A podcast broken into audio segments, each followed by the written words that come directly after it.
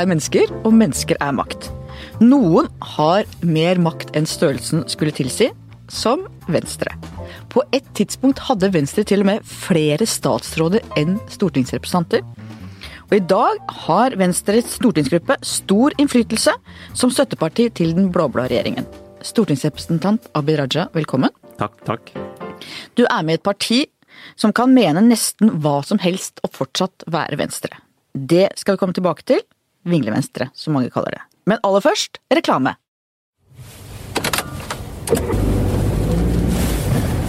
Jeg hører på lydbok eh, når jeg kjører bil.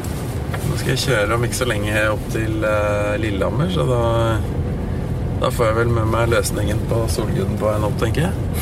Når man sitter i bilkø inn til byen og på jobben og akkurat faglitteratur jeg driver med, så det er jo for å få tiden til å gå. og Da er det utrolig praktisk at du bare har den med deg på jeg har Storytel som app på iPhonen min, og da ligger den på der hele tiden. Så det er liksom bare én knapp, så fortsetter jeg der jeg var sist. Man er liksom vant til å streame alt mulig rart, så streame lydbok er jo helt perfekt. Veldig enkelt og greit. Men hvor var han? Hadde han gått allerede? Med Storytel får du ubegrenset tilgang til tusenvis av lydbøker direkte fra mobilen din. Prøv Storytel gratis i 30 dager på storytel.no skartveit. De fleste som nå utgjorde køen foran ham, var afrikanere. Abid Raja, stortingsrepresentant for Venstre. Vi har kjent hverandre siden årtusenskiftet. Den gangen var du talsmann for en av de muslimske menighetene i Oslo, og fremsto nærmest som en mørkemann. Hva har skjedd med deg? Jeg har blitt voksen. Eh, Vi fikk oss utdanning. Jeg fikk meg kjæreste. Gifta meg, fikk barn. Ja. Så eh, jeg tror også jeg har blitt formet av de debattene jeg deltok i når jeg var ung. Men klart, jeg har ikke lagt skjul på, og jeg har skrevet om dette åpent, at jeg vokste opp i en eh, muslimsk pietistisk familie og oppdratt veldig konservativt med mange konservative eh, verdier og syn. Og det preget hele min eh, oppvekst og ungdomstid, eh, men dette hadde jeg også et eh, opprørsk forhold til eh, når jeg begynte på universitetet. Kanskje litt før det. Eh, Det tok noen år, men eh, så har jeg blitt kvitt de demonene, og det er jeg veldig glad for. Jeg husker Vi var jo begge to satt og skrev oppgave begge to på Institutt for menneskerettigheter og juridisk fakultet rundt årtusenskiftet, og hadde noen heftige diskusjoner over pultene der, husker jeg. Altså, Den tida vil jeg bare huske som at jeg fikk et stipend til å sitte på Institutt for menneskerettigheter. Jeg vil ikke huske hva jeg mente. Men jeg husker. Ja, Det er litt dumt å sitte med en journalist da, og dele pult på et halvt år eller et år. Ja. Det har skjedd mye. Rett etter at det var avsindig bråk i Oslo eh, i forbindelse med en demonstrasjon mot den israelske ambassaden under en av Gaza-krigene, så dro du i gang dialogmøter på Litteraturhuset. Fortell. Ja, det var egentlig Jeg satt i stua, jeg husker dette veldig godt. Eh, Det var stor demonstrasjon utafor den israelske ambassaden. Eh, Ungdom kasta stein, molotov cocktailbomber. Det ble tåregass. Politiet satte inn hester og pansrede vogner, og helikoptre var oppe. Det var en ganske fryktelig situasjon. eh, Og det var Ruter, ruter knust nedover Karl Johan. Det var jo som om Midtøsten hadde flytta hit. Ja, så det er folk, Vi nordmenn er veldig flinke til å glemme. Overskriften i avisene den gangen var 'Oslo brenner. Paris-lignende tilstander'. Dette var overskriftene. Så gikk politimesteren, visepolitimesteren i Oslo i media og sa nå må alle gode krefter komme sammen og gjøre noe. Da satt jeg i stua og så de nyhetene, eh, og det var en eh, lørdag-søndag. Eh, Og jeg bestemte meg for at nå må vi gjøre noe. Så jeg følte han egentlig snakket til meg gjennom TV. Så jeg satte i gang en Jeg var advokat den tida, så jeg hadde jo ganske mange kontakter inn til si, de som er litt på siden av loven. Så jeg satte i gang en sånn stor SMS-aksjon for å finne ut hvor er det disse ungdommene kommer fra osv. Til min store overraskelse så viste det seg at det var veldig få av de som hadde kriminell bakgrunn, eller drev med kriminelle aktiviteter. Dette var helt vanlige ungdom som gikk på ungdomsskole og ja, som hadde aldri vært borti kant med, på kant med loven. Så uka etterpå, bare syv dager etterpå, så satt vi på Litteraturhuset med det første dialogmøtet. Hvilket år er vi nå? er vi i 2009, tror jeg, så er det en del år siden. Og jeg husker veldig godt altså Dette er et, ekstremt sterkt møte med Nadim på par og 20, som holder en lang tale, ser det på politimesteren, peker på han fra talerstolen og sier Jeg kasta steiner, og jeg gleder meg til en demonstrasjon neste gang, for da skal jeg faen meg kaste stein igjen. Takk for meg, så og satte seg rett ved siden av Jeggedal. Der starta dialogmøtet. Og det eksplosive var at etter tre timer så sto han opp før møtet var slutt og vendte seg mot salen og sa jeg lover jeg skal aldri kaste stein igjen. Jeg mener, det, det, Man får jo gåsehud av å tenke på det tilbake, men jeg husker Knut Olav Åmås skrev et lite arrangement på Litteraturhuset et stort steg for landet Norge, og da kunne ikke jeg gi meg. Det var bare ett dialogmøte, jeg måtte jo lage mange, og det ble mange de påfølgende to årene. Hva var nøkkelen til suksessen der? Nøkkelen var å la folk komme og si akkurat det de har lyst til å si. De tømte Eh, seg? Tømte seg. Få ut frustrasjonen din. Jeg garanterer deg, du kommer ikke til å bli arrestert av politiet for det du innrømmer å ha gjort. Og det var garantien politiet ga til meg på forhånd. Du gjorde forarbeidet? Ja, gjorde forarbeidet. De sa uansett hva de sier, kommer vi ikke til å bruke det som bevis mot dem på noen som helst måte. Det var det ene. Og det andre var, jeg lover deg, med mindre du sjøl vil, kommer ansiktet ditt og navnet ditt aldri til å havne i pressen. Og Det var også beskjeden på hvert dialogmøte. Dere kan bruke sitatene de kommer med, men hvis dere skal bruke deres navn og bilde, så må dere spørre de om det sjøl. Og Det gjorde at folk kom og tømte ut alt. Hat, eh, frustrasjon, sinne de hadde lagret, og det var ikke nødvendigvis mot politiet eller mot storsamfunnet. Det kan ha vært mot sitt eget miljø, sin egen familie, men vanskelig å kommunisere det sinnet mot sin far, sin mor, sitt miljø. Eh, kanskje til, til og med sin moské, men det er lettere å peke det mot et annet sted. Og Det aller diggeste syns jeg i ettertid er det var mange voldelige demonstrasjoner frem til det dialogmøtet, og den dagen tok det slutt. Etter det var det mange demonstrasjoner, men ikke i ett av de ble det kasta stein. Det Jeg, Det var bra, det var bra. jeg var på et av dem, eh, satt i panelet der, og da var det en ung mann som fortalte hvorfor han hatet jøder. Ja. Han har jo i ettertid eh, Ja, dette blitt veldig annerledes. Altså, det, det, vi forandra mange folk på de eh, dialogmøtene, det var hele meninga. Og Kisti, eh, han klarte jeg aldri å forandre. Jeg eh, jobba noe med han, eh, og han sto på Litteraturhuset, der satt kronprins Haakon. han- Kisti, som da var sønn av en fremstående imam. Veldig fremstående imam, en veldig karismatisk imam. eh, Kanskje den viktigste altså den norsk, altså pakistanske skikkelsen i Norge på den tid. Og han, eh, så han var ikke hvem som helst, og han sto på Litteraturhuset, og kronprinsen satt på første rad og, og ropte ut dette med, og jeg siterer altså at eh, han Nordmenn er født med ski på beina, brasilianerne med fotball. Jøder er født med svik og hykleri i sitt blod. Kom igjen, er muslimer, er dere med meg? Sitat slutt. Og det var liksom eh, utrolig guffent. Jeg merka kronprinsen ved siden av meg, han trakk et langt pust inni seg. At dette var frykt, og dette var, altså, dette var virkelig guffent. Og der starta altså dialogmøtet, og det, vi klarte ikke å endre Kisti. Og jeg jobba med han, Lars Gule jobba med han, flere andre jobba med han, og, og så hørte jeg ikke noe fra han. Og så i fjor, tror jeg det var, så slår jeg på avisen at det er noen som har slått sånn ring rundt synagogen. Fredsringen. Nyheten gikk over hele verden. Og jeg bare var nysgjerrig. Hvem er disse ungdommene? Og der ser jeg bildet av Ali Chisti, jødehateren fra Litteraturhuset, slår ring rundt synagogen. Så mange år tok det, men også han ble endret. Jeg snakka med han etter det, han er blitt en veldig fin, klok fyr. Det hadde jeg ikke trodd når jeg satt i det panelet og hørte han den gangen. Du, han hadde ekstremt mye energi og jo kunnskap fortsatt, da. også da. Det hadde han også da, men det, han øh, hadde et radikalt syn på verden. Men jeg tror vi trenger å så øh, noen frø hos disse ungdommene som har en del radikaliserte oppfatninger, eller noen gale oppfatninger, og så må man håpe at det frøet vil spire etter hvert. Hos han spiret det, hos mange andre spiret det. Og hva kan vi gjøre mer for å bekjempe radikalisering blant unge muslimske nordmenn? Vi må gjøre veldig mye. og Noe av dette her er eh, tilbake til altså, eh, Jeg studerte jo kriminologi ved siden av jussen. Eh, Dette er jo egentlig egentlig en eh, studie i avvikssosiologi. eh, Å gå tilbake til Thomas Mathisen og Nils Kristi sine kunnskaper eh, om hvordan man bekjemper kriminalitet. Hvordan man bygger et tett samfunn, hvordan man bygger et individ. Eh, Og hvis man ser på mange minoriteter som vokser opp i dag, så har de opphoping av mange risikofaktorer. Så vi må, må huske at det er ikke noe spesielt med innvandrerungdom. At de blir kriminelle. Radikalisering er en liten ekstraordinær bit som vi kan snakke om, men utgangspunktet først for at de skal komme i den risikosonen, er at de faller utenfor. Og Det gjelder eh, altså, sånn tradisjonelle ting som uh, dårlig på skolen, eh, ikke lykkes i samfunnet, men så er det krydret med noen ekstraordinære ting som jeg tror nordmenn flest ikke tenker på. Og det er at eh, tallene for innvandrerbarn, eller barn med eh, annen etnisitet enn det typisk norske, de har ganske høy andel som blir utsatt for oppdragervold hjemme. Og jeg er jo eh, belemret med dette, jeg er jo gift med en psykolog som forteller meg skadevirkningene av vold mot barn, og ikke minst autoritær oppdragerstil. Hva gjør det med frustrasjonen hos ungen? Og så har du samtidig oppdratt i en kollektivistisk kultur. Motsetning til den individualistiske som du kommer fra, Hanne, hvor formålet med barneoppdragelsen er at du skal bli selvstendig.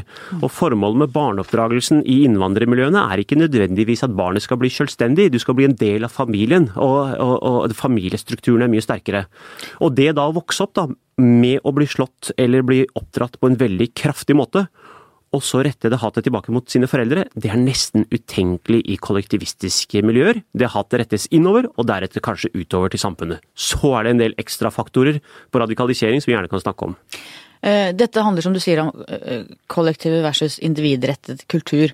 Hvor spennet ungdommene vokser opp i, er jo at det som er lov hjemme, er uglesett ute. Og det som er lov ute, er forbudt hjemme. Du treffer altså spikeren rett på. Altså Tenk på dette. Du vokser opp i Norge hvor vi bor i et fritt samfunn. Dette er et liberalt samfunn, og er kanskje den mest grunnleggende følelsen i oss alle mennesker. Og det er alle som lytter på.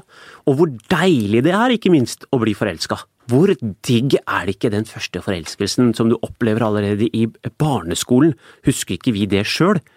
Og på ungdomsskolen og første kysset osv. Dette, er, dette, er så, dette, er, dette er jo selve ryggmargen i ethvert menneske.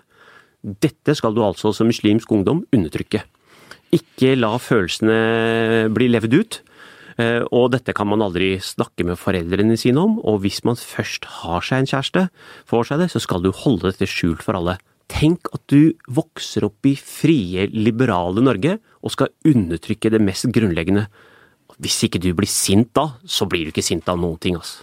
Jeg snakka med en, eh, en, kvinne med innvandrerbakgrunn for mange år siden som beskrev dette med at i norske miljøer så er man veldig streng når barna er små, og så utvider man rammene, friheten blir større og større.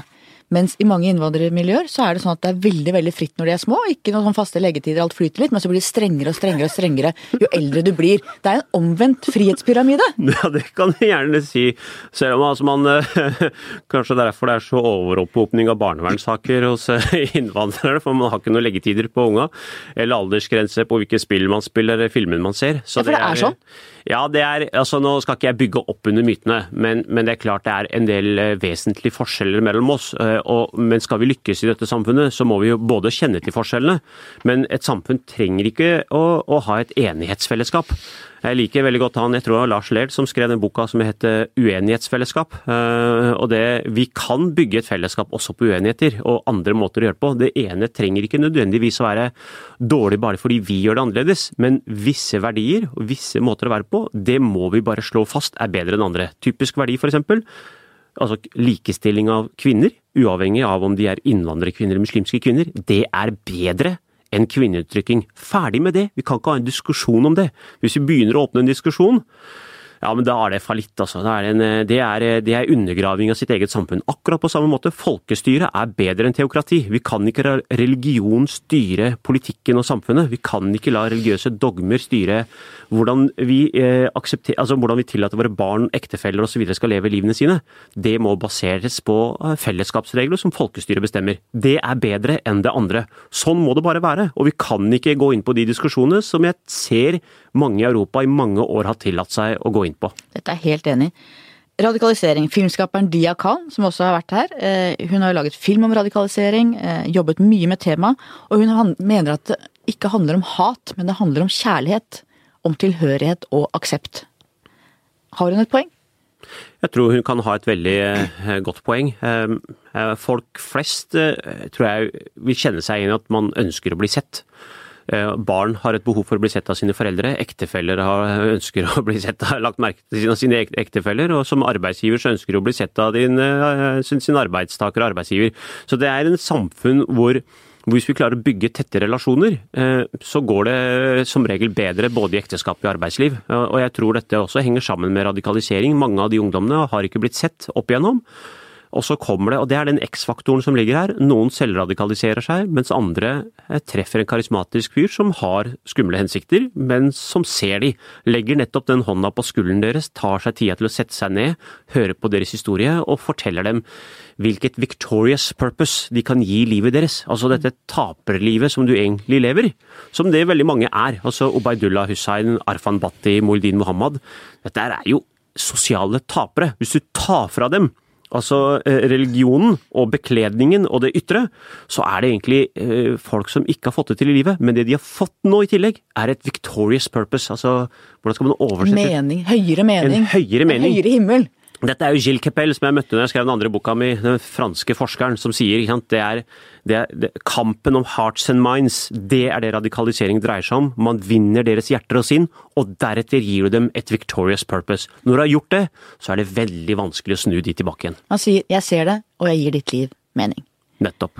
Eh, Diakan er også opptatt av ungdomsopprøret i en del miljøer som i dag går ut på å bli mer religiøse enn foreldrene. Som du sier, det er vanskelig å gjøre et sånt eh, utagerende opprør mot foreldrene. Det er rett og slett umulig i en del miljøer. Men det å bli mer religiøse, mer puritanske enn foreldrene, det kan foreldrene på en måte ikke protestere mot. Det gir et maktmiddel i ungdommenes hender. Eh, Hva tenker du om en sånn eh, ikke, jeg tror jeg deler hennes syn på, på, på, på også det. Hvis vi tar en sammenligning tilbake til Jeg er født i Norge, og det er en del år siden nå. Sånn, men når mine foreldre kom på tidlig 70-tallet, eh, og vi vokste opp eh, rundt omkring i Oslo, så er det sånn litt rart at min generasjon er ikke den som var mest opptatt av disse religiøse tingene. Eh, Det var litt andre ting. Altså litt sånn skole, utdanning, litt sånn diskriminering. Ja, litt sjekking også. Og så har på en måte denne neste generasjonen som har kommet etter oss, de har fått plutselig et ekstremt sterkt behov for å søke til religion. Og at det kan være et opprør også mot foreldregenerasjonen. Eh, vise foreldrene at de kan faktisk mer religion enn det foreldrene kan, og det kan de. Det, det, det er enkelte som hevder at dette er religiøse noviser som ikke kan religionen sin, men mange av disse som søker eh, aktivt konservative, radikaliserte miljøer, de kan veldig mye religion. Og de, eh, mens foreldrene var opptatt av praktisere sin religion, bygge moskeer og jobbe, tjene penger, forsørge sin familie og sende penger nedover til sine hjemmeland, så er den nye generasjonen er ikke så opptatt av dette med delta i samfunnet, eh, skape jobber eh, og kanskje bidra på samme måte nedover i de miljøene deres foreldre kommer fra. Men eh, det kan også være et behov for at de vil gjerne vise at de er annerledes enn foreldrene, og gjerne bedre enn foreldrene når det kommer til religion. Du har vært veldig tydelig i din omtale av eh, islamistiske ekstremister, som nettopp profetens umma, og du har blitt truet. Fortell. Ja, altså det har vært flere episoder, faktisk. Jeg, synes den mest gufne episoden, eh, sånn personlig, var eh, Jeg var på NRK en gang, og så sa jeg at Moildin Mohammeds uttalelser er forkastelige. Så limte, klipte noen av disse gutta ut av uh, Moildin, så det ble stående som at jeg sa profetens uttalelser er forkastelige. Det var jo sånn de ville lage det. Det spredde seg på sosiale medier, uh, og veldig mange muslimer rettet et ekstremt sterkt hat uh, mot meg og trusler uh, som følge av det. Og de trodde jo på at det var det jeg hadde sagt. Og så skjedde det nå en episode i, i fjor, faktisk, hvor jeg hadde snakket om eh, nikaben. At jeg syns det var et fremmed eh, element eh, i den norske faunaen. At det ser litt corny og rart ut, rett og slett, på Oslos gater. Det hører ikke hjemme her. Og jeg forstår godt at folk blir litt frustrert over det plagget. Det gjorde at Profetus Zuma lagde jo en, en, ja, en trusselvideo. Og det har kommet frem at jeg, ja, Moldin Mohammed gjorde det, og han rettet en rekke trusler mot meg i den videoen. Så jeg valgte faktisk å gå til det sjeldne steg å anmelde dette. Det er jo, Politikere skal jo egentlig venne seg til å leve med trusler, men jeg tenkte dette gidder jeg ikke. Altså fra denne personen her, som poserer med våpen i Syria og ønsker å skade samfunnet innenfra, han skal iallfall ikke slippe unna med å, å, å true, forsøke å true politikere til taushet. Blir du redd?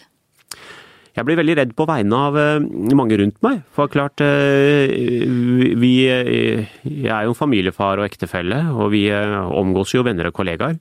Så jeg ønsker ikke at andre skal bli rammet som følge av hva jeg gjør og ikke gjør. Men for å si det sånn, jeg har ingen intensjon om å bli tatt av dage av noen islamister. Så hvis folk som har vært i krig og er villige til å krige, villige til å dø sjøl, truer deg, så bør du ta det på alvor. Tilbake til tiden som talsmann. Mitt første møte med deg. Du benektet tvangsgifte, at det fantes, samtidig som du kjempet for din egen kjærlighet. Hva tenker du om det i ettertid? Ja, altså jeg kan bare vise til boka mi i 2008, 'Talsmann', hvor jeg gikk i rette med veldig mange av de meningene som jeg hadde da jeg vokste opp. Så jeg er heldigvis glad for at jeg har eh, gått bort ifra dette med tvangsekteskap, som eh, jeg vet nå er et ekstremt stort onde. Og jeg tror eh, altså vi, Det er vanskelig å sammenligne den type kriminalitet med noe annet, men de, jeg tror mange kan kjenne seg igjen i hvis du blir tvunget til å gifte deg med en person du ikke vil. Deretter så skal du altså ha et samliv med vedkommende, seksuelt samliv. Så føde barn eh, med eh, vedkommende, eh, rydde etter og vaske opp etter og dele resten av ditt liv sammen. Altså, jeg veit ikke om man kan si at det er voldtekt gjennom hele livet, et overgrep gjennom hele livet, men det er jo det er jo et altomfattende overgrep mot de jentene og guttene som blir utsatt for dette. For man glemmer at også gutter blir utsatt for tvangsekteskap. Og det ja, det er en, eh, evig, et, et, et, livslangt fengsel, eh, hvor du i tillegg eh, må være en medgjørlig slave. Du måtte til slutt true med å gifte deg med en norsk jente. Da ga de seg. Hvorfor er det så utenkelig for pakistansk-norske familier at barna gifter seg med andre enn deres egne? i en førstestegn? Altså, jeg, liksom, det, Dette blir ofte brukt mot meg, at jeg truet med en norsk jente for å få lov til å gifte meg med Nadia. Kan du tenke deg en verre skjebne? Ja, ikke sant. Altså, eh, og det sier folk at det er fordi at jeg ikke liker norske jenter. Men altså, og da har jeg ofte dratt frem Bertine Zetlers, for hun var jeg forelska i når vi gikk på videregående. Men du hadde ikke altså, eller? Nei, hun takket nei. Det var, det var greit nok, det. Så, så, det er ikke noe med at jeg ikke liker norske jenter. Altså, Tvert om, norske jenter er jo blant de flotteste kvinnene i hele verden. Men det var det at eh, jeg var forelska i Nadia, og hun ville ikke eh, storfamilien at jeg skulle gifte meg med, fordi hun kommer fra feil kaste, mente de. Så min trussel mot de at hvis de sa nei til meg, så kjente de opprørsskabyd for da ville jeg gå og gifte meg med en norsk kvinne istedenfor. Ja, så mitt spørsmål er egentlig hvorfor var det så utenkelig for din familie at du skulle gjøre det? Ja, Disse krysskulturelle ekteskapene gjør jo veldig mange folk sinte. Og jeg tror ikke man skal uh, være overrasket over at, altså at Ali uh, fra Somalia blir veldig lite happy hvis Ahmed henter hjem en norsk kvinne. Men jeg tror heller ikke Ola på Sunnmøre blir så happy hvis eh, datteren Linda henter hjem en svær afrikaner eh, hjem og sier eh, denne Mohammed skal jeg gifte meg med. Så jeg tror dette går begge veier. Dette med folk som kommer fra andre kulturer, andre religioner, er ikke nødvendigvis en sånn jubelstemning hjemme når man lanserer ideen. Men tror du det er spørsmål om tid før vi kommer dit at det er naturlig, eller tror du at dette er litt evigvarende? Ja, både og. Altså I andre store land, som uh, USA er et særeget uh, land på det, hvor man ser at det er uh, krysskulturelle kjærester og ekteskap på tvers av alt mulig. Det går ikke an å sammenligne seg med det. I Norge og i Europa vil det ta veldig mye lengre tid, så lenge ekteskapsmønsteret blant neste generasjon består, at man henter ektefeller fra foreldrenes eller besteforeldrenes opprinnelsesland, så, så, så vil dette ta veldig lang tid. Men vi ser at det er tabuer som har blitt brutt. Vi ser flere ekteskap eh, og samliv mellom eh, med krysskulturelle etnisiteter. Det tror det kommer til å bli mer av. Eh, og jeg tror det er litt mer aksept for det nå, men den aksepten er bitte litt mer. Ikke veldig mye mer. Det går langsomt. Det går langsomt, dette kommer til å ta litt tid. Pakistansk-norske familiefedre, som f.eks. kjører taxi, de ser kanskje det norske mest gjennom sene nattetimer i taxien med fyll og sjekking. Og hva gjør det med deres syn på det norske samfunnet? Jeg tror ikke det er den beste siden av den norske kulturen. Men Former det mange familiefedres syn, tror du? Jeg tror det har formet veldig mange, eh, mange innvandrernes syn på nordmenn. At, eh, at det er eh, at det, man er veldig ja, løslumpen og man drikker og fester og slåss og, og, ligger med hverandre. Og så ser man skilsmissestatistikken og, og, og, får en sterkere bekreftelse på at dette er ikke ordentlige måter å ha et samliv og, liv på. Det, men det er en, dette er jo ikke norsk kultur. Dette er jo, dette er jo drikkekulturen eh, i noen byer og bygder, men det er jo ikke det, det, jo ikke det norsk kultur er. Altså, Være på Hardangervidda, Lofoten, gå i fjellet, på ski. Det er jo like mye norsk kultur som er den flotte norske kulturen. Det finnes jo ekstremt mange eh, nordmenn, de aller fleste, som er eh, mer enn verdige ektemaker til både datteren og sønnen. Eh, men når man sitter igjen med det inntrykket at det er helgefylla som er nordmannen, så er det klart det er veldig vanskelig å akseptere at eh, poden eller kvinnen, altså datteren din, skal gifte deg med en, en slik en. Men det forteller kanskje litt om at integreringen ikke er helt vellykket i den forstand at man ikke ser hverandres hverdagsliv i det daglige, da. Eh, At de pakistansk-norske miljøene kanskje ikke er nok inni den norske kulturen, og vice versa. Ja, det, du er veldig inne på det. og Mye av dette skjer jo automatisk, fordi at nå går jo barn på skolen og lærer hverandre å kjenne. Men det er derfor jeg har vært veldig opptatt av at det skal ikke bare være gjennom den ordinære skolegangen hvor du sitter på pulten.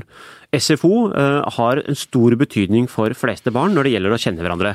Men vi vet samtidig at den andelen som bruker SFO minst, det er nettopp de med innvandrerbakgrunn. Det koster penger, og veldig mange har dårlig råd. Så et av mitt store politiske engasjement for landsmøtet som kommer nå i helga, er at partiet skal vedta at vi skal ha gratis SFO for, eh, for særlig de med lav inntekt, så at alle kan få delta på den arenaen. Jeg har stor tro på at skolen kan jevne ut de forskjellene som finnes i samfunnet når det gjelder også krysskulturelle brytninger, men da må vi danne de arenaene hvor barn kan leke med hverandre uten å bare sitte på pulten. Men så er det også sånn i Oslo eksempel, at det er veldig delt hvor det bor minoritetsbarn og hvor det bor ikke-minoritetsbarn. Eh, hvor det er noen steder hvor det er nesten, kanskje 90% med en annen etnisk bakgrunn. Mens andre steder er det helt blenda hvitt. Bør man gjøre noe i forhold til enten skolegrenser eller bussing eller andre ting for å, å få en mer balanse i den enkelte skoles skolehverdag? Jeg tror bussing er ting som, eh, som jeg tror får eh, hårene til å reise seg de, hos de aller fleste. Altså Snudd på hodet og tenk at du skal du da bor da eh, på Nordstrand, og så skal altså dine barn eh, bli tvunget i en buss eh, over til Groruddalen fordi at man skal ha et sosialt eksperiment med bussing. Jeg tror dette verken vil tjene Ali eller Fatima eller Ola og Kari, så dette tror jeg er en, det er en dårlig idé. Men, men Oslo er, er ikke stor utfordring ennå, slik man har i nabolandet vårt, eller man har i altså England, i, Manchester, Bradford, andre steder. Frankrike, ikke minst, ikke? Altså, hvor det har store sosiale utfordringer. Men, men Oslo kan bli det, hvis man ikke er årvåken for det. Eh, Og Oslo er ikke delt først og fremst på grunn av at vi eh, er delt av religion eller, eller kultur. Eh, Vi er delt av økonomi. At det er mye vanskeligere for innvandrere å kjøpe seg inn i de områdene når man har lav inntekt. Eh, Men dette ser vi nå en tendens til at eh, når man får en inntekt, får en jobb, så, så er det veldig mange som flytter over i gjerne kall det litt mer hvite områder. Men det, en, eh, det, en, det har vært en litt jeg, har- er, jeg har stor forståelse for det også, men, men det har vært en en uheldig praksis hvor hvite nordmenn har flyttet ut eh, av de litt, eh, kan man gjerne si, brune områdene. Um, og det gjør at de blir eh, ytterligere grad forsterket av at dette her bare er et innvandrerområde.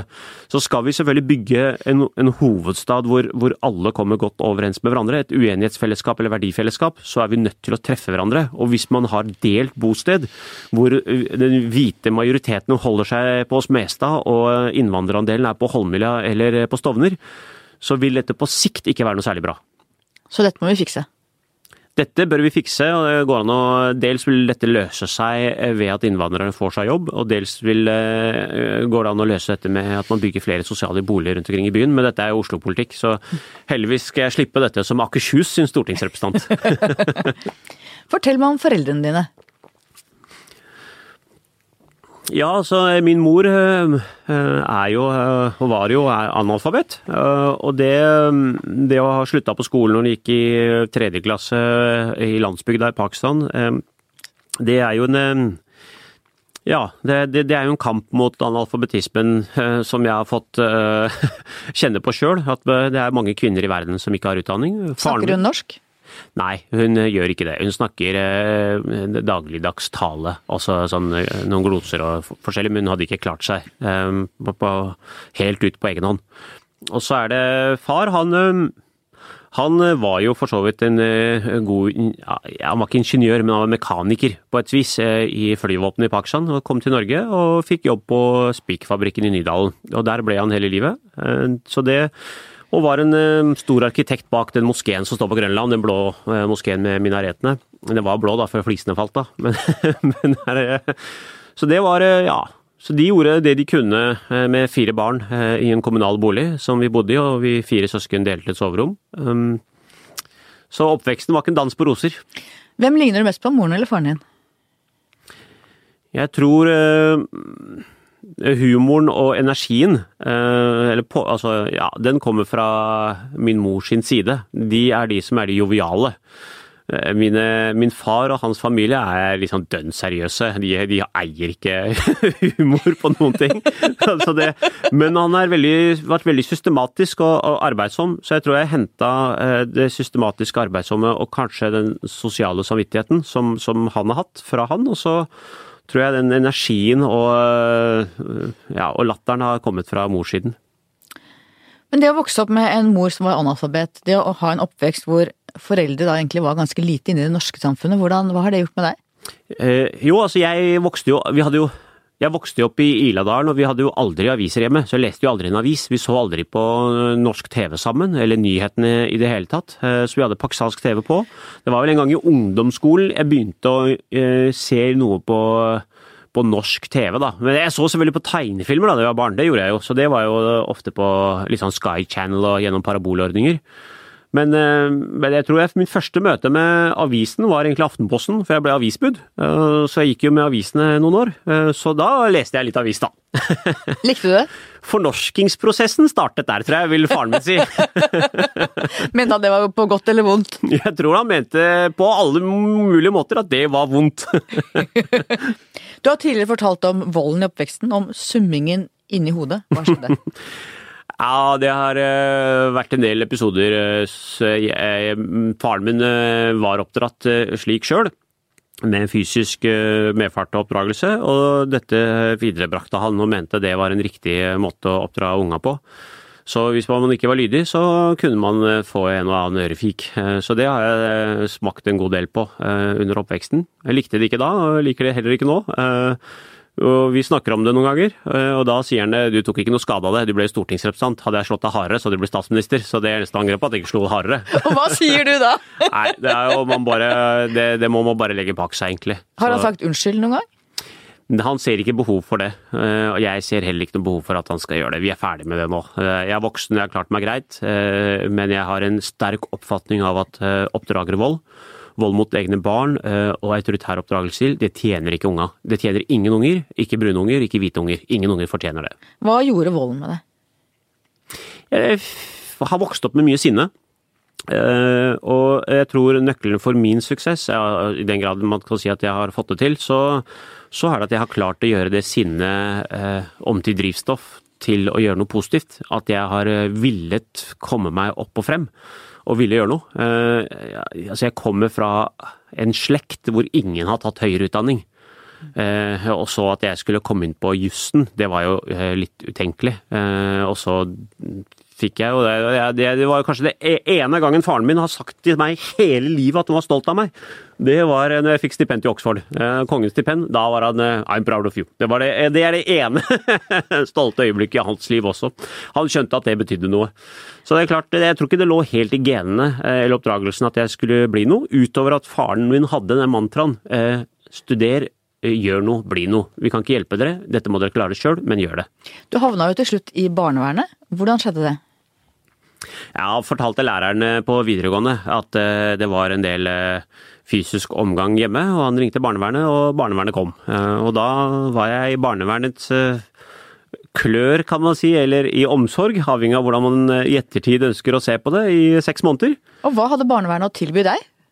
Veldig lite. Jeg vil si ingenting. Eh, men eh, det de fikk til, var jo at volden tok slutt.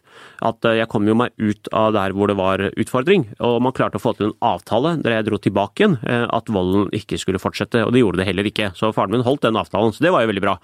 Men samtidig, i løpet av de seks månedene, så opplevde jeg jo, eh, eh, som du kalte det, når taxisjåførene ser norske helgefylla. Den så jeg jo på nært hold som barnevernsbarn. Ting jeg aldri trodde jeg skulle få se, eller hadde ikke visst engang. Eh, når jeg bodde i Iladalen. Det fikk jeg oppleve som barnevernsbarn. Du kunne blitt kriminell, du kunne havna helt utpå? Du, jeg, det er egentlig litt rart at jeg ikke ble kriminell, egentlig. Altså, jeg, jeg gikk på barneskole med flere i B-gjengen og har eh, kjent flere i A-gjengen gjennom oppveksten. Eh, eh, og i barnevernet så drev vi jo med kriminell virksomhet. Vi var under kriminell lavalder, men, men det vi gjorde der, når jeg var der i seks måneder, det, det, sånn skal ikke barn i barnevernet ha det. Og det, Altså, jeg gikk fra en eh, nokså snill og grei gutt til å måtte henge med de barna som var i barnevernet. Sånn var det. Du, du henger med de, ellers er du helt aleine.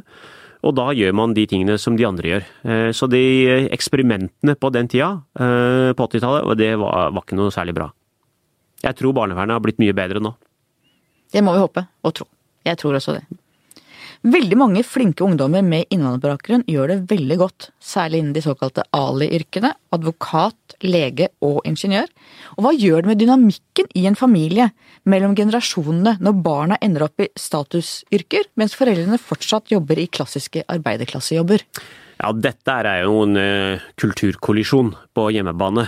eh, fordi at eh, de barna som tar seg en utdanning, de forstår veldig mye mer av samfunnet enn det foreldrene gjør. Mens eh, i den kollektivistiske kulturen så vet foreldrene best allikevel. Eh, Og hvordan skal du klare den balansen, hvor foreldrene både verdimessig, normmessig, kunnskapsmessig skal kunne vite mer enn deg, iallfall har en, skal ha det siste ordet eh, i det meste. Dette er jo en kulturkollisjon av dimensjoner på hjemmebane. Og det er opp opprivende sådan en. Er det så- sårt? ja, det tror jeg. Altså, foreldrene er stolte av at barna får det til. Det, det, det er de. de Det er stolthet og sårhet kombinert på en måte, eller? Jeg tror det er særlig sårhet hvis eh, barna går bort fra den kulturen de er oppdratt til å være en del av, eh, og man tar en del avstand. Som eksempel hvis ungen din da vokser opp og blir lege eksempel, og plutselig skal gifte seg med en norsk jente. Så tror jeg dette svir veldig hos eh, de familiene. Den, sønnen de var så stolte av, eh, gjør det feilgrepet der. Og dette er, den, eh, dette er den kulturen vi er nødt til å endre. Altså Samtidig som foreldrene har ekstremt store ambisjoner for sine barn, så må de også tåle å se at de barna da deretter tar sine egne frie valg. Og det kan ikke bare være at de skal presses til utdanning. Når de først får seg utdanning, så er bivirkningen ofte at vi blir selvstendige oppi huet vårt.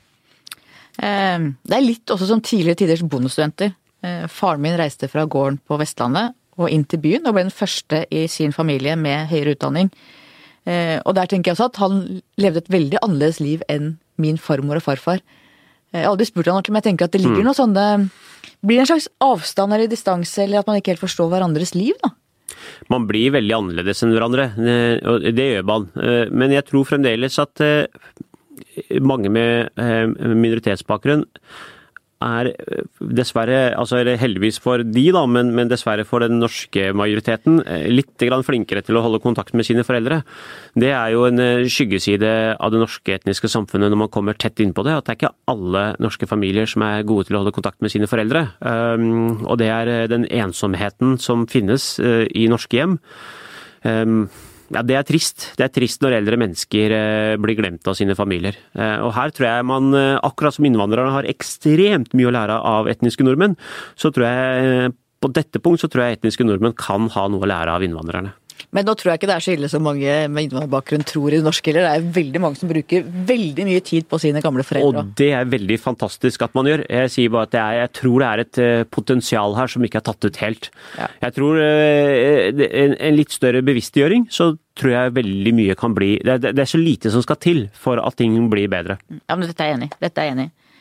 Eh, Det ligger også et betydelig press i en del innvandrermiljøer på nettopp disse Ali-fagene. For det er ikke så lett med det presset hvis du egentlig er flinkere med hendene enn med hodet. Hva tenker du om det? ja, altså øh, prøv å forklare mm, et innvandrerfar at, øh, at sønnen som nå skal studere drama, at det er verdt å bruke livet på. Dette skjønner de ikke. Altså disse kunst- og kulturfagene, det sitter langt inne å ha en øh, helhjertet aksept for. Eh, ja, jeg kjenner jo til og med altså, folk som har villet studere og bli arkitekt, som er en stor prestisje. Som har gode nok karakterer for å komme inn på arkitektlinja, eh, men hvor foreldrene har bestemt seg at vedkommende skal bli lege. Fordi at det vet de hva er. Det er prestisje. Det kan de fortelle om.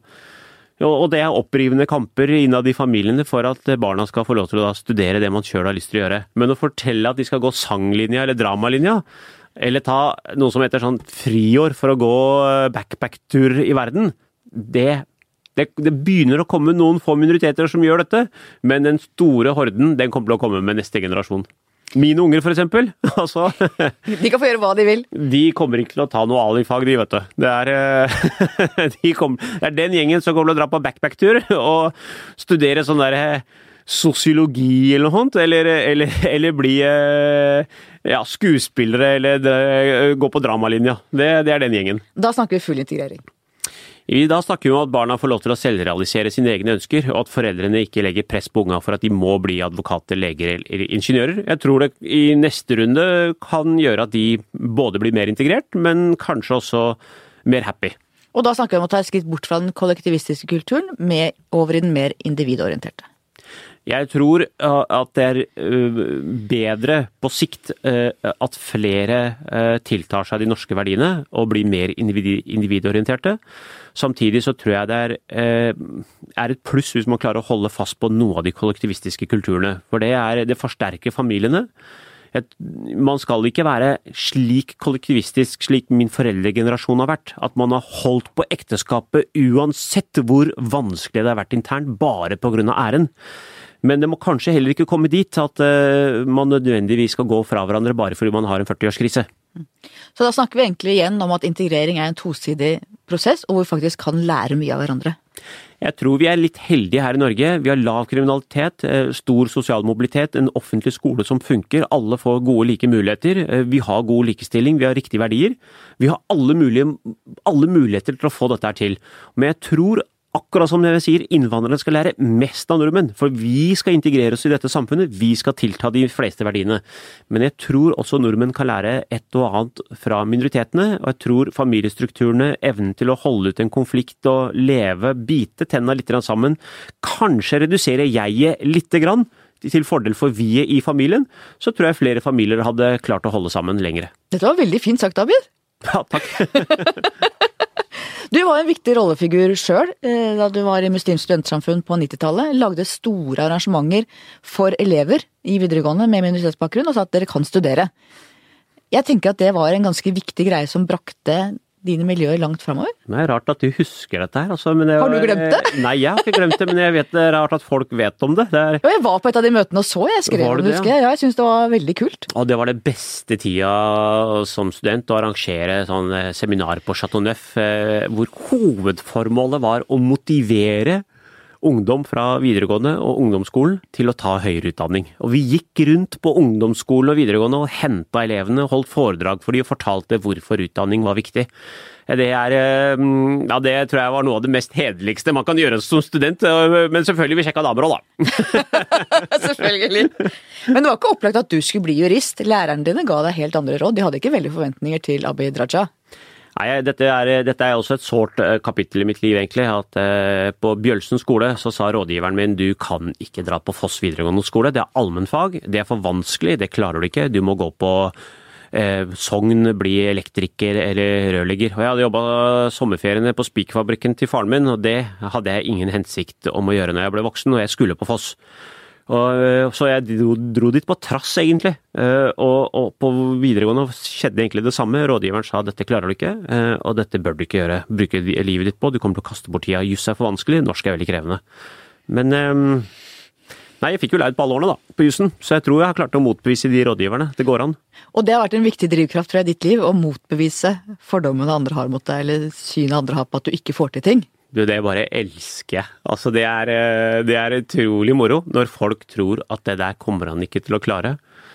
Og det, Sånn er det i politikken òg. Altså, jeg husker jo jeg var eh, saksordfører for Mongstad-saken etter Jens Stoltenberg, den månelandinga som ikke gikk. Og Martin Kolberg ga meg den saken i kontroll- og konstitusjonskomiteen første uka jeg kom inn på Stortinget.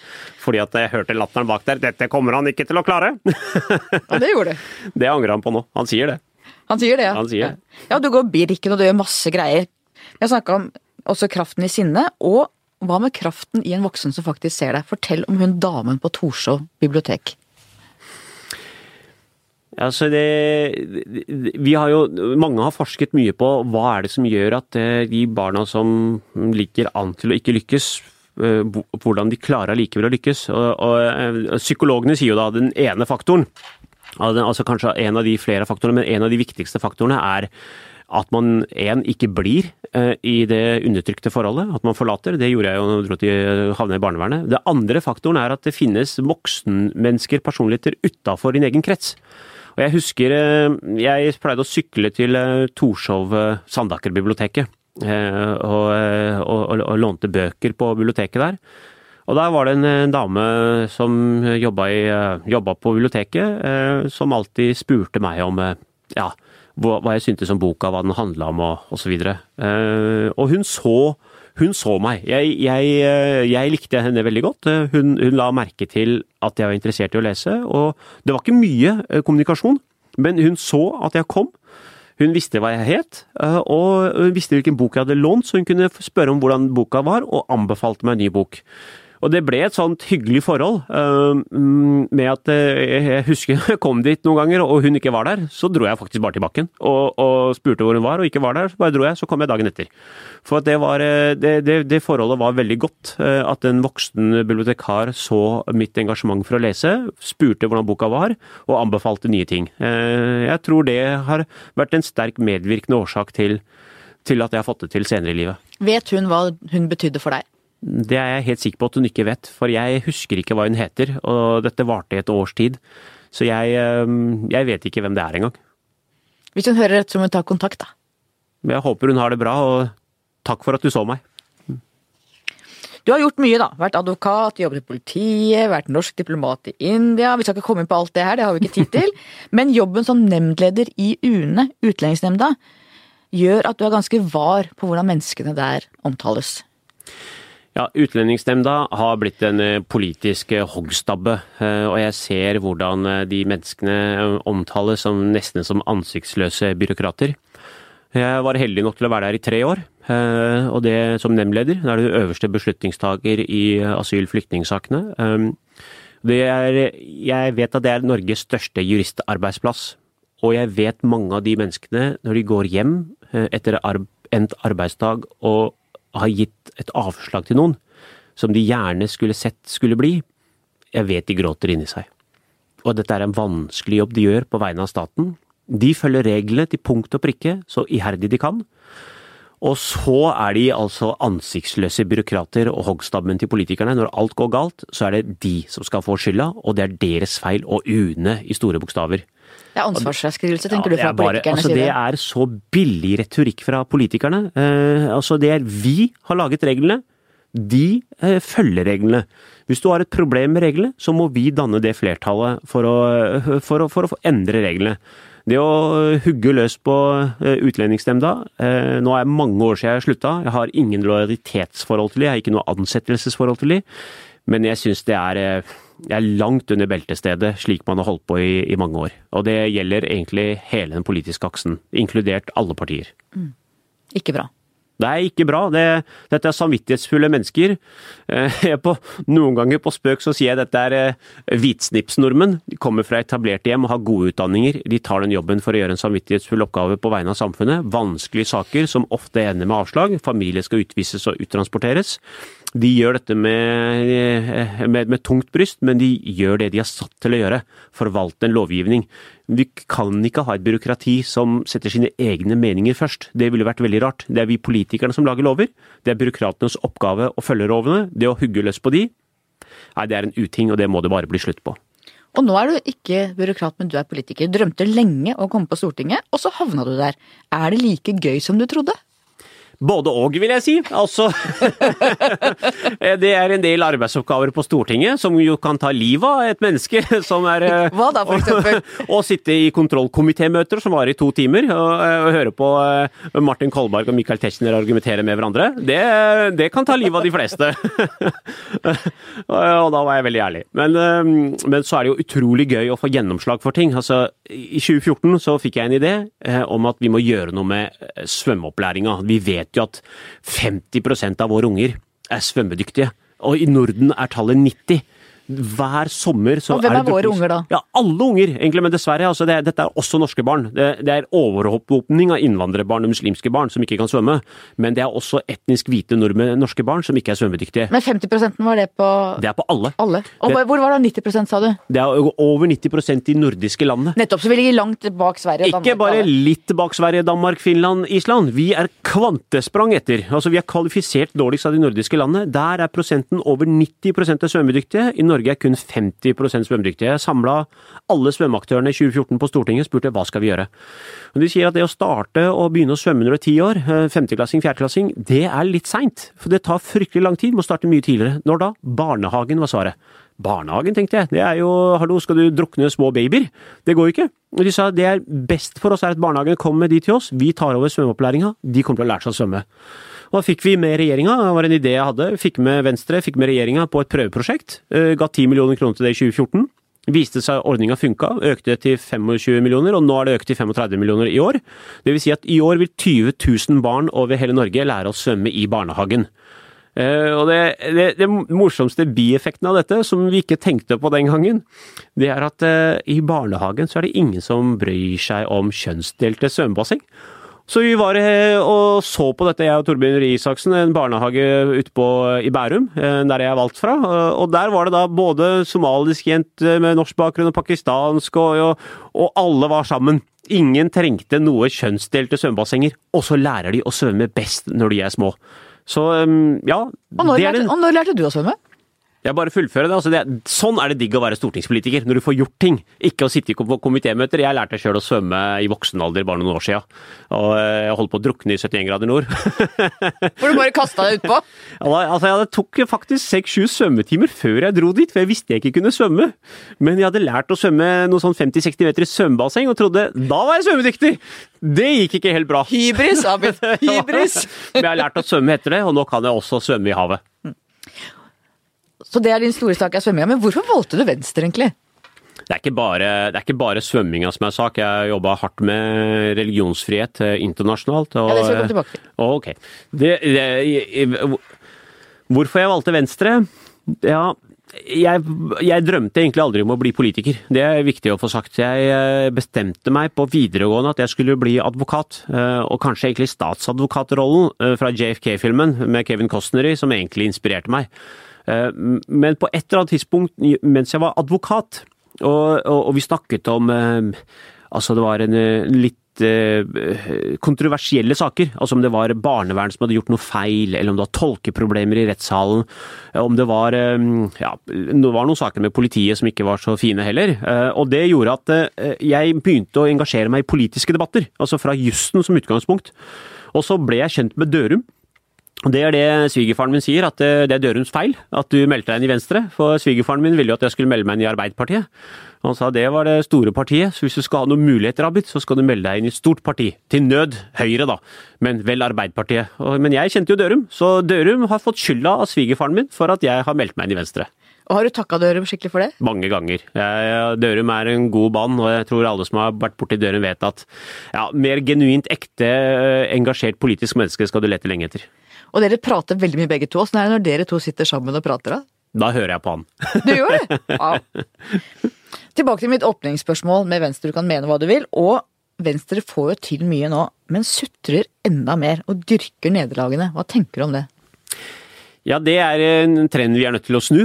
Eh, Jeg tror folk flest ikke liker tapere. Eh, Hvis vi ser på hva vi har fått til i løpet av de siste fire årene i løpet av, med, med våre 5,2% så tror jeg ingen hadde trodd at det skulle lille Venstre klare. Altså, Vi har fått et kvantesprang i forhold til gjennomslag av vår politikk.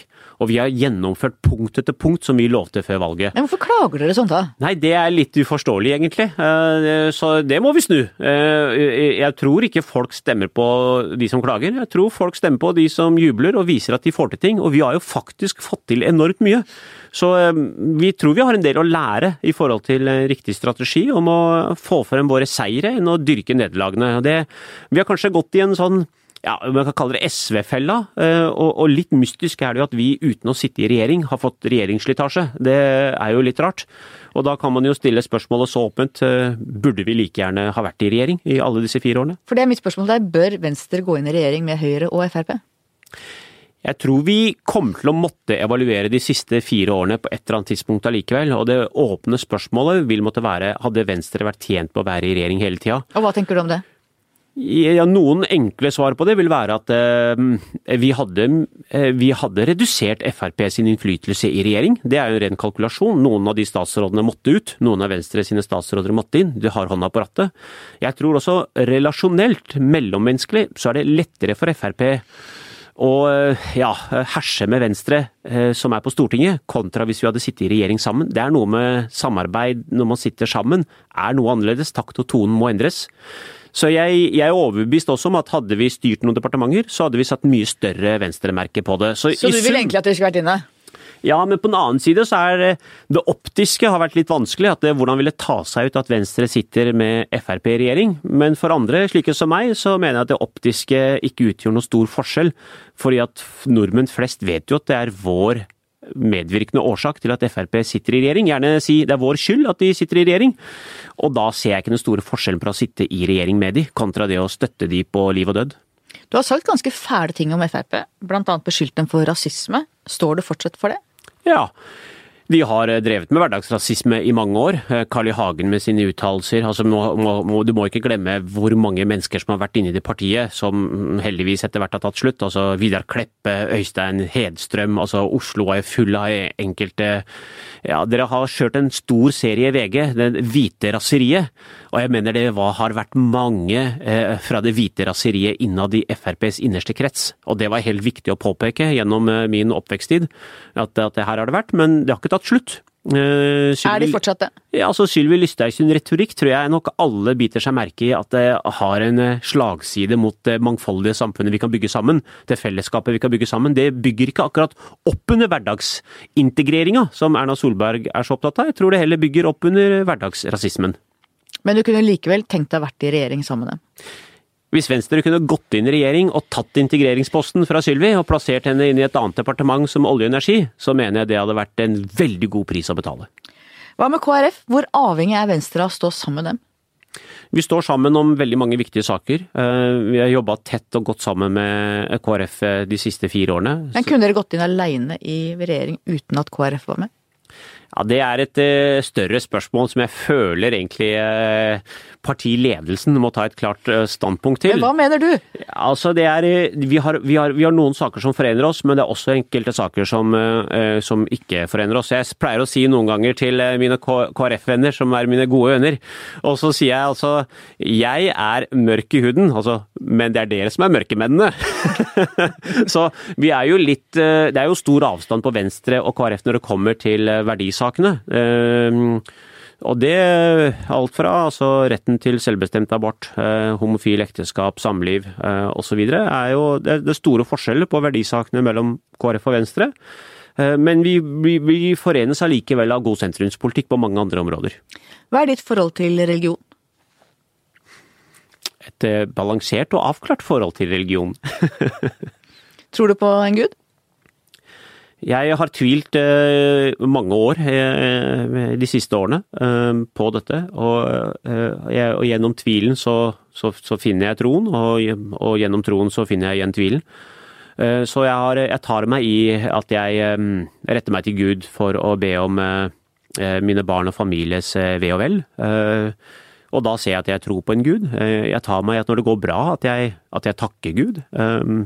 Samtidig så har jeg hatt et eh, rent sånn rasjonelt og intellektuelt litt anstrengt forhold til at det skal være en skapning langt der borte som har skapt hele jorda og osv. Så, videre. så det er et, eh, et uavklart avklart forhold. At eh, jeg tror ikke jeg kommer til å bli klokere av å tenke på det. Men jeg tar meg i at jeg ber, retter meg til Gud for å be om tilgivelse og at det skal gå godt, og håp for at mine barn og ektefelle skal klare seg bra. Og du har vært ute i verden og jobbet for religiøs toleranse. Fortell om det. Kanskje mine venstrevelgere ikke har fått med seg at eh, den stemmen de ga til Venstre i 2013, har vært med på å starte en global bevegelse for religionsfrihet blant verdens parlamentarikere. Og Det starta for tre år siden. Jeg fikk en idé sammen med noen andre politikere på en konferanse i utlandet. Vi var fem stykker fra fem land. Vi satte oss ned og sa vet du hva, nå skal vi starte en global bevegelse. Så kom jeg til Stortinget, og jeg hadde fått beskjed om at det, eller jeg hadde påtatt meg oppdraget. Jeg skal starte den globale bevegelsen. Og det høres jo utrolig naivt ut. ikke sant? Altså, Lille Venstre på Stortinget, støttepartiet til en regjering, og ferske stortingsrepresentanten Abid Raja skal starte en global bevegelse. Ambisiøst, da. Ja, det var Men jeg fikk god hjelp av først Fritt Ord Uh, og, og UD. Vi samla 25 lands politikere uh, på Stortinget i 2014. Vi signerte en fredserklæring for å kjempe for religionsfrihet. Retten til å ha en religion, retten til ikke å ha en religion, og retten til å skifte, konvertere. Og det, så signerte vi erklæring på Nobels fredssenter. Dette var da en, et, et, et start ja, dette var starten på, på, noe som skulle bli mye større. Og den foreløpige store begivenheten vi hadde i fjor, var jo at vi samla over 60 lands politikere, parlamentarikere, over 100 stykker i Berlin, og Angela Merkel kom og åpna konferansen. Og på veien dit så har vi møtt, blitt invitert av White House, Bondeslag, House of Lords. Vi blir lagt merke til. Vi har sendt ja, underkant av 20 brev til ulike statsledere. Og det høres litt rart ut det å sende brev, hvilken effekt det skal ha, men jeg har også jobba i UD.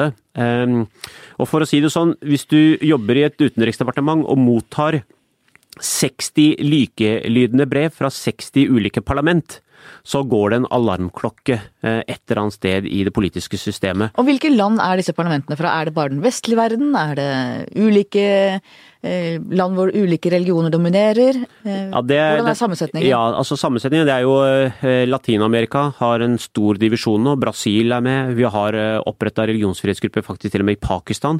Og der er det en del kristne minoriteter som, som, som leder an. Altså det er religiøse minoriteter som er mest i front. Og de har det tøft i Pakistan? Det er tøft. Altså Pakistan er et av de landene hvor religionsforfølgelse er størst. Men dette er jo ikke bare et muslimsk fenomen. Det er jo ikke, for det er ofte vi tenker at vi vet kristne er blant de som er mest forfulgt i verden. Og I Egypt og andre steder så helikoptrene de, de rett og slett man renser Midtøsten nå for, for, for, for, kristne. Så det er en kamp også for kristnes rettigheter. Men det er også i land som Myanmar, hvor buddhistene driver og renser muslimske minoriteten rohingyaene, som folk ikke vil forholde seg til. Og du kan ha i Nepal, hvor det kan være helt andre religioner som da hetser hverandre, og i Vietnam hvor det kan være buddhistiske sekter mot andre buddhistiske buddhistiske sekter. Så dette er ikke bare en Man må åpne øynene og se ja, religionsforfølgelsen er veldig stor i muslimske land som Iran, Saudi-Arabia, Pakistan, Midtøsten, men det finnes også i andre land hvor det er hinduer som undertrykker andre, buddhister som undertrykker andre. Religionsforfølgelse er ikke, handler ikke om én religion, men det handler om friheten til å velge sin religion, være i sin religion, frasi seg sin religion, konvertere. Og det, den friheten har man dessverre ikke i, i, mange land. Og dette prosjektet som du jobber med, hvor stort kan det bli? Tenker du, hva, hva er, ikke endgame, men hvor, hva er ambisjonen? Dette, målet er at dette, det skal være religionsfrihetsgrupper i alle verdens parlament. I dag har vi en slik en i Norge. Og det jeg er stolt av er at alle partier i Stortinget er tilsluttet. Alt fra Senterpartiet, Frp til Arbeiderpartiet, alle er med.